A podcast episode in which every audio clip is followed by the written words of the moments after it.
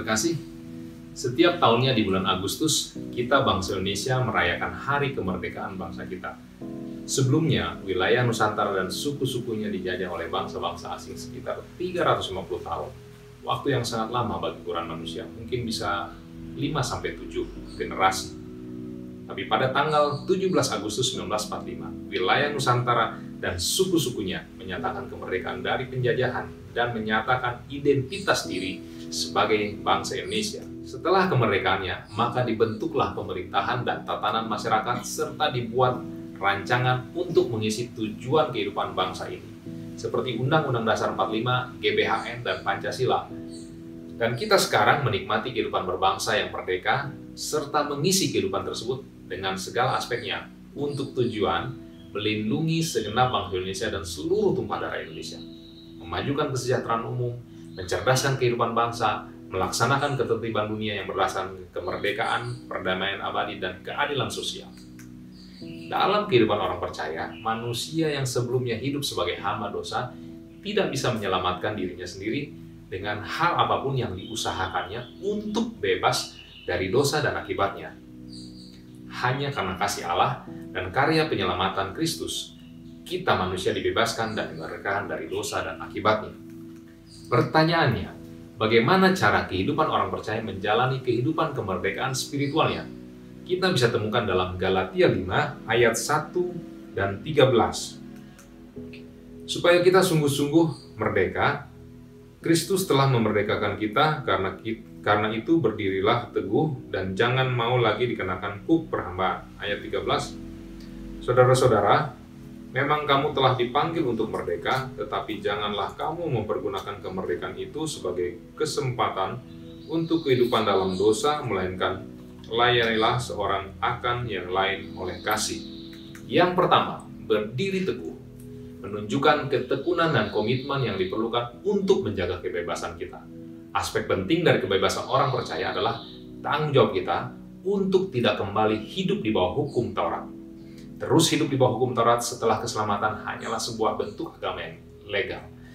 Kita tidak bisa mendapatkan kebenaran melalui hukum. Sebaliknya, tujuan hukum untuk mendefinisikan dosa kita dan menunjukkan kebutuhan kita akan juru selamat.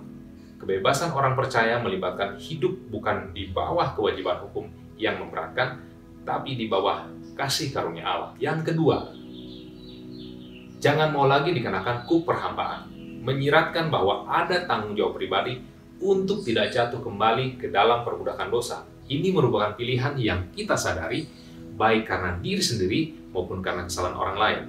Kita jatuh kembali ke dalam perbudakan dosa karena kita membiarkan diri kita melakukannya.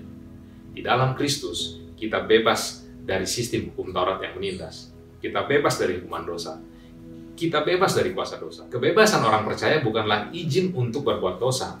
Kita bebas di dalam Kristus, tetapi kita tidak bebas untuk hidup sesuka kita dengan memanjakan daging kita.